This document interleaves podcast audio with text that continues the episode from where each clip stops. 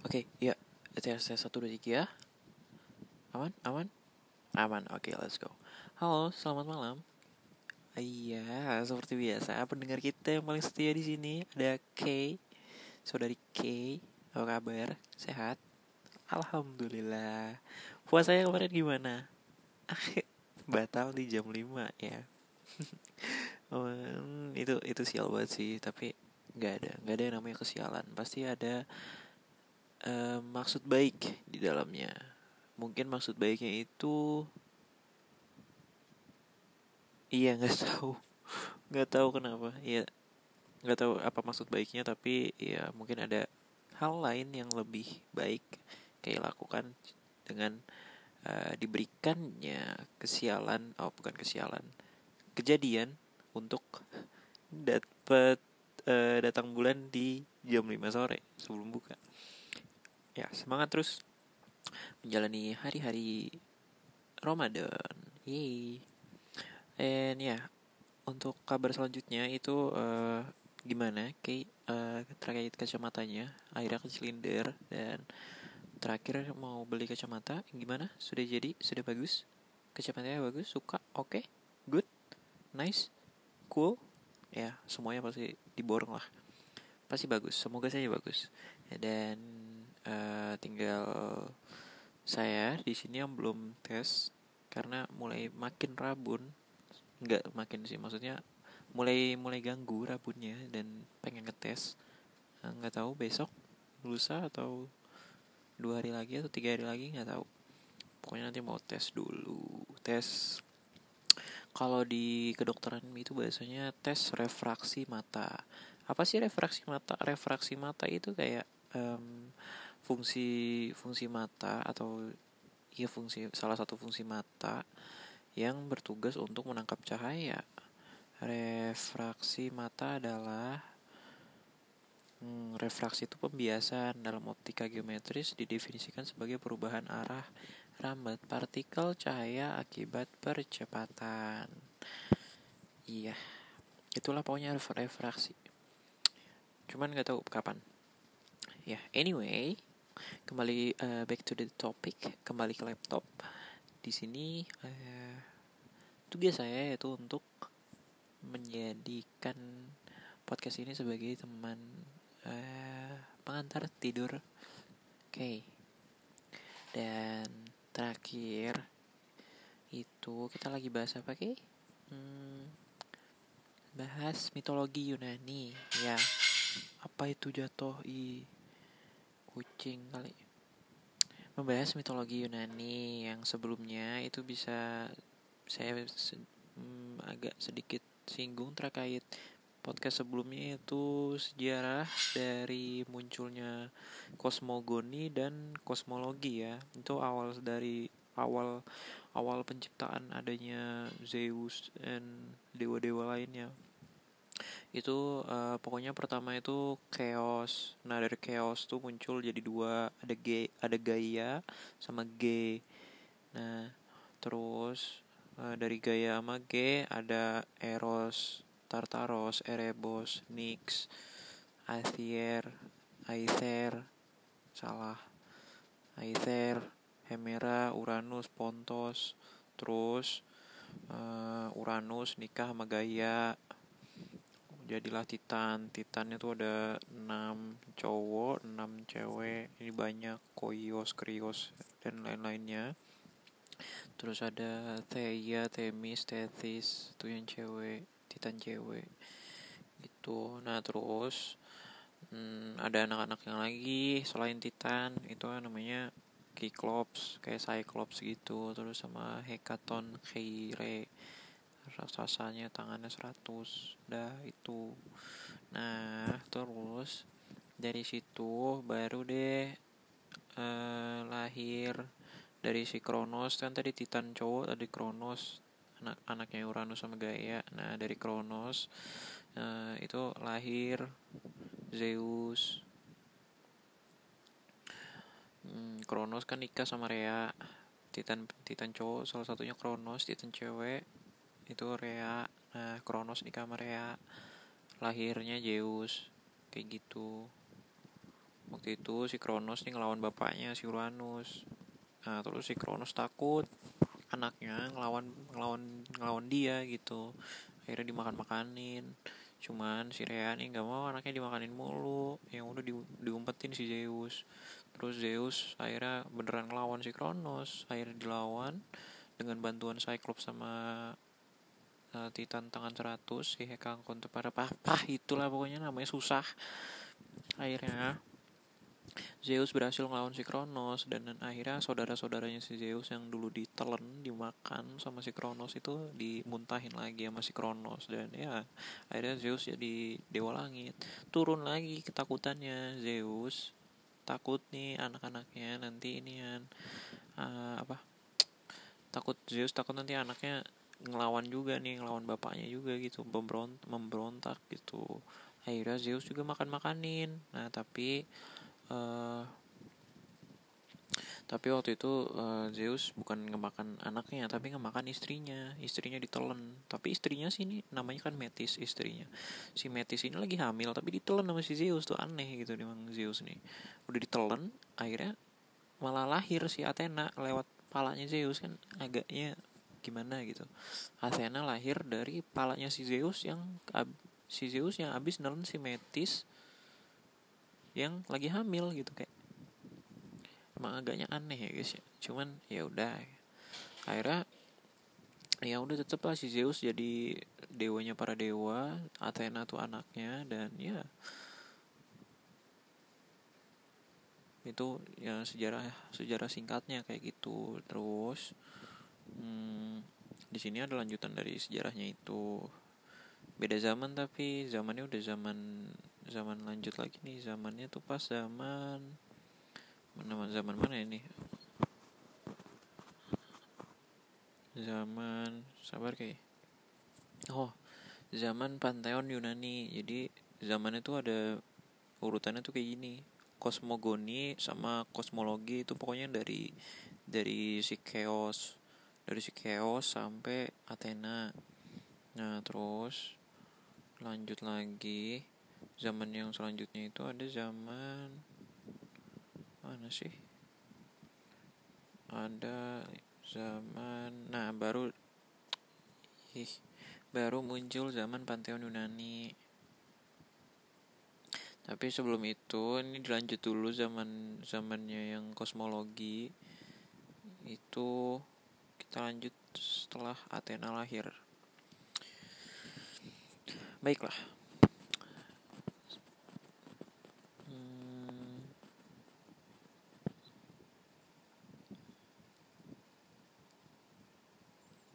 Oke, oke, oke.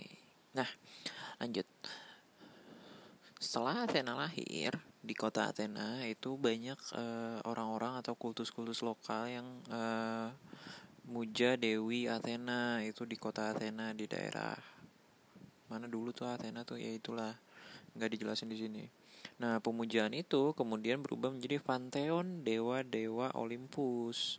Hmm, dan uh, prosesnya perubahannya itu terjadi tanpa konflik. Nah, lanjut orang Yunani yang memikirkan mengenai sajak menganggap bahwa Theogenia atau kelahir, cerita kelahiran para dewa itu sebagai genre puitis, prototipe mitos, dan menghubungkan banyak kekuasaan di dalamnya.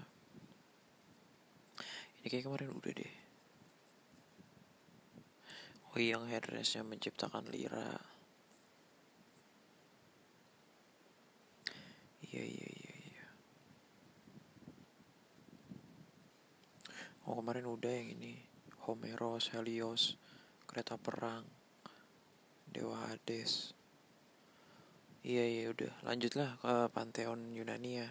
Sorry tadi uh, ke skip. Lanjut ke zaman yang kedua yaitu zaman Pantheon Yunani. Pantheon Yunani Berdasarkan mitologi era klasik, setelah kekuasaan para titan dijatuhkan, pantheon dewa dan dewi baru pun muncul. Salah satu kelompok dewa Yunani yang paling utama adalah para dewa Olympus yang tinggal di puncak gunung Olympus di bawah kepemimpinan Zeus.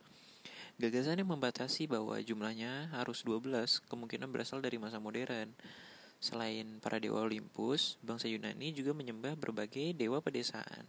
Misalnya dewa Satirpan dan para nimfa atau pri alam. Para dewa laut, para satir, dan banyak lagi yang lainnya. Nimfa sendiri terdiri daripada dari para nayat. Nayat itu nimfa mata air. Driat itu nimfa pohon. Narit nimfa laut.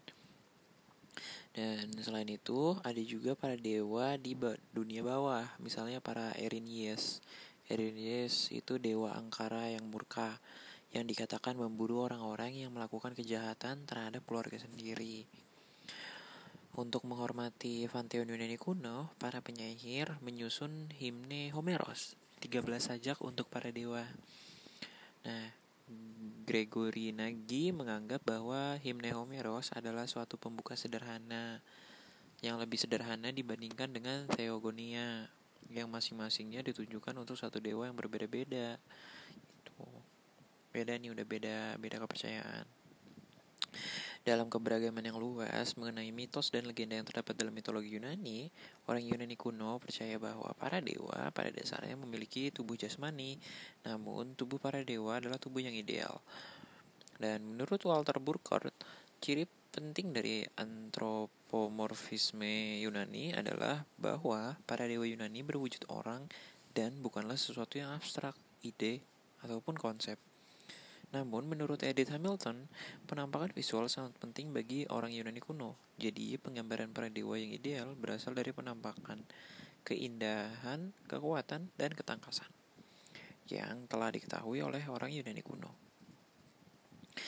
Terlepas dari bentuk yang mendasari mereka, para dewa Yunani kuno memiliki banyak sekali kemampuan yang luar biasa. Yang paling penting adalah bahwa para dewa tidak dapat terkena penyakit dan hanya dapat terluka melalui keadaan yang sangat tidak biasa. Orang Yunani menganggap bahwa keabadian adalah karakteristik yang paling unik dari dewa mereka. Keabadian seperti halnya keadaan awet muda dihasilkan dari konsumsi nektar dan ambrosia secara terus-menerus. Dengan mengkonsumsi itu, darah di pembuluh darah para dewa terus-menerus diperbarui. Meskipun para dewa jauh lebih berkuasa, orang Yunani tetap menjadikan para dewa itu memiliki beberapa ciri yang manusiawi. Dalam beberapa kasus, ada manusia yang disebut lebih mulia daripada dewa. Setiap dewa-dewa masing-masing memiliki asal-usul, silsilah, minat, ketertarikan, kepentingan, keahlian, kekuasaan, dan kepribadian tersendiri yang berbeda-beda. Akan tetapi, penggambaran para dewa muncul dari banyaknya variasi arkais lokal yang tidak selalu sama antara yang satu dengan yang lainnya. Ketika dewa-dewa itu disebut dalam sajak, puisi, doa, atau kultus, mereka disebutkan dengan gabungan nama serta julukannya, yang membedakan mereka berdasarkan perbedaan-perbedaan itu dari perwujudan mereka yang lainnya. Salah satu contohnya adalah Apollo Musagetes, yang artinya adalah Apollo, pemimpin para Musai. Selain itu, julukan juga dapat diidentifikasikan as sebagai aspek yang khusus dan terlokalisasi dari para dewa. Kadang-kadang julukan-julukan para dewa dipercaya sudah ada sebelum masa Yunani klasik. Oke. Sebagian besar dewa diasosiasikan dengan aspek dengan aspek tertentu dalam kehidupan manusia. Contohnya Afrodit. Afrodit ini adalah dewa cinta, eh dewi cinta dan kecantikan. Ares. Ares adalah dewa perang. Hades Hades adalah dewa orang mati dan Athena adalah dewi strategi perang dan kebijaksanaan. Beberapa dewa, misalnya Apollo dan Dionysos, menunjukkan gabungan fungsi dan kepribadian yang kompleks. Sedangkan yang lainnya, seperti Hestia atau perapian dan Helios atau matahari, tidak lebih dari sekedar personifikasi. Kuil-kuil yang paling megah cenderung didedikasikan hanya untuk beberapa dewa saja, yaitu dewa-dewa yang menjadi pusat pemujaan dari kultus Pan Hellenic yang besar. Akan tetapi, cukup lazim pula bahwa daerah-daerah dan desa-desa tertentu memiliki pemujaan tersendiri untuk dewa-dewa minor, minoritas. Banyak pula kota yang menyembah para dewa yang lebih terkenal dan para dewa itu disembah dengan ritus-ritus lokal serta mitos-mitos aneh yang diasosiasikan dengan mereka dan tidak diketahui di daerah lainnya. Pada zaman pahlawan, kultus pemujaan pahlawan atau setengah dewa menjadi pelengkap pemujaan para dewa. Itu tadi zaman Pantheon Dewa. Pantheon Dewa itu jadi singkatnya adalah zaman yang benar-benar uh, Pantheon Yunani, sorry. Jadi Pantheon Yunani itu uh, zaman yang benar-benar kayak orang-orang tuh masih benar-benar full nyembah dewa. Nah, dewanya ini tergantung dari banyak terkenal atau enggaknya si dewa itu. Misal dewa ya tadi Ares, Apollo, Dionso, Dionysos, terus juga Aphrodite, Hades gitu-gitu kan terkenal-terkenal semua. Nah, kayak Nah, yang dewa-dewa minor itu kurang diiniin kurang kurang disembah. Nah jadi uh, cuman daerah-daerah tertentu aja. Tapi mereka benar-benar full nyembah dewa. Karena pada saat itu belum muncul yang namanya bukan belum muncul lebih ke belum terkenal yang namanya um, dewa yang setengah manusia. Jadi yang benar-benar uh, setengah dewa lah atau yang di yang mereka sebut sebagai pahlawan gitu Nah, itu tadi zaman Pantheon Yunani. Selanjutnya, next itu ada zaman para dewa dan manusia. Nah, ini udah mulai campur nih. Jadi ada yang nyembah dewa, ada yang nyembah pahlawan atau setengah setengah dewa. Nah, ada masa ketika hanya ada para dewa yang hidup di dunia dan ada pula masa ketika campur tangan para dewa terhadap kehidupan manusia cukup terbatas. Di antara kedua masa itu, ada masa tradisional ketika para dewa dan manusia hidup bersama-sama. Masa tersebut adalah masa-masa awal dunia ketika kelompok dewa dan manusia dapat bergaul lebih bebas daripada masa-masa setelahnya. Nah, banyak cerita mengenai tema tersebut yang munculnya metamorfosis karya Ovidius. Kisah-kisahnya sering dibagi menjadi dua kelompok cerita tematik, yaitu cerita cinta dan cerita hukuman. Kisah cinta sering kali melibatkan hubungan sedarah atau uh, hubungan seksual atau per perkosaan, pemerkosaan, Eh, pemerkosaan yang dilakukan oleh dewa terhadap manusia perempuan. Hasil dari hubungan antara dewa dan manusia adalah manusia setengah dewa atau yang, yang atau yang disebut yang sering disebut sebagai uh, pahlawan. Kisah-kisah yang ada secara umum menunjukkan bahwa hubungan antara dewa dan manusia adalah sesuatu yang perlu dihindari. Hubungan cinta dewa dan manusia, dewa dan manusia jarang ada yang berakhir bahagia. Nah, dalam beberapa kasus ada pula dewi yang menjalin hubungan dengan manusia pria, seperti misalnya himne Homeros uh, untuk Afrodit yang menceritakan bahwa Dewi Afrodit berhubungan seksual dengan Anchises dan melahirkan Aeneas. Kisah jenis kedua adalah kisah hukuman, yaitu kisah yang melibatkan kemunculan atau penemuan beberapa artefak budaya yang penting. Seperti misalnya ketika Prometheus mencuri api dari para dewa, ketika Tantalos mencuri nektar dan ambrosia dari meja makan Zeus dan memberikannya pada anak buahnya dan dengan demikian dia telah membeberkan rahasia para dewa. Ketika Prometheus atau Lycaon menciptakan ritual kurban, ketika Demeter mengajarkan pertanian dan misteri kepada Trip Triptolemos atau ketika Marsyas menciptakan Aulos dan mengikuti kontes musik melawan Apollo. Ian Morris berpendapat bahwa kisah Prometheus merupakan suatu masa antara sejarah para dewa dan sejarah manusia. Suatu, suatu fragmen papirus tanpa nama berasal dari abad ketiga, secara jelas menggambarkan hukuman dari Dionysios, Dionysos kepada raja, kepada raja Tar, Tar, Tarkia, Thrakia, Lycurgos. Sang raja terlambat menyadari bahwa Dionysos adalah seorang dewa. Akibatnya, dia harus menerima hukuman mengerikan, bahkan sampai berujung kematian. Kisah mengenai kedatangan Dionysos yang mendirikan kultusnya sendiri di Tarakia juga merupakan subjek dari trilogi Aeschylus. Nah, dalam drama tragedi lainnya, dalam drama tragedi lainnya, yaitu Bakai, gubahan Euripides dikisahkan bahwa Raja Tebes, Pantheus, dihukum oleh Dionysos karena tidak tidak menghormati sang dewa dan mengintai para mainat atau sekelompok perempuan yang menyembah Dionysos. Nah, jadi di uh, mungkin agak pusing tadi di cerita hukuman. Jadi ada dua. Di zaman di zaman setengah dewa ini ada dua.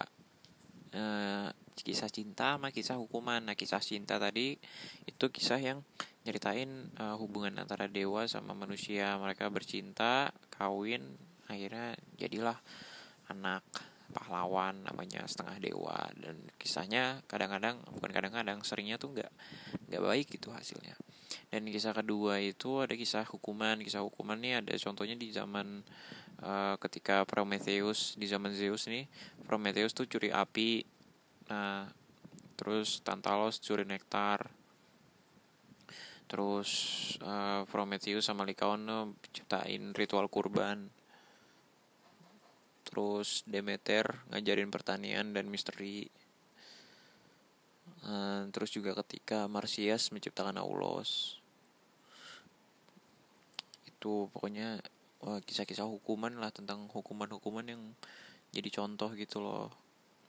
Terus tadi ada kisah hukuman satu lagi tuh di zamannya Dionysos. Jadi jadi Dionysos nih uh, turun ke bumi turun ke dunia manusia terus dia uh, apa sih dia dia ngedeketin bukan ngedeketin apa sih kayak uh,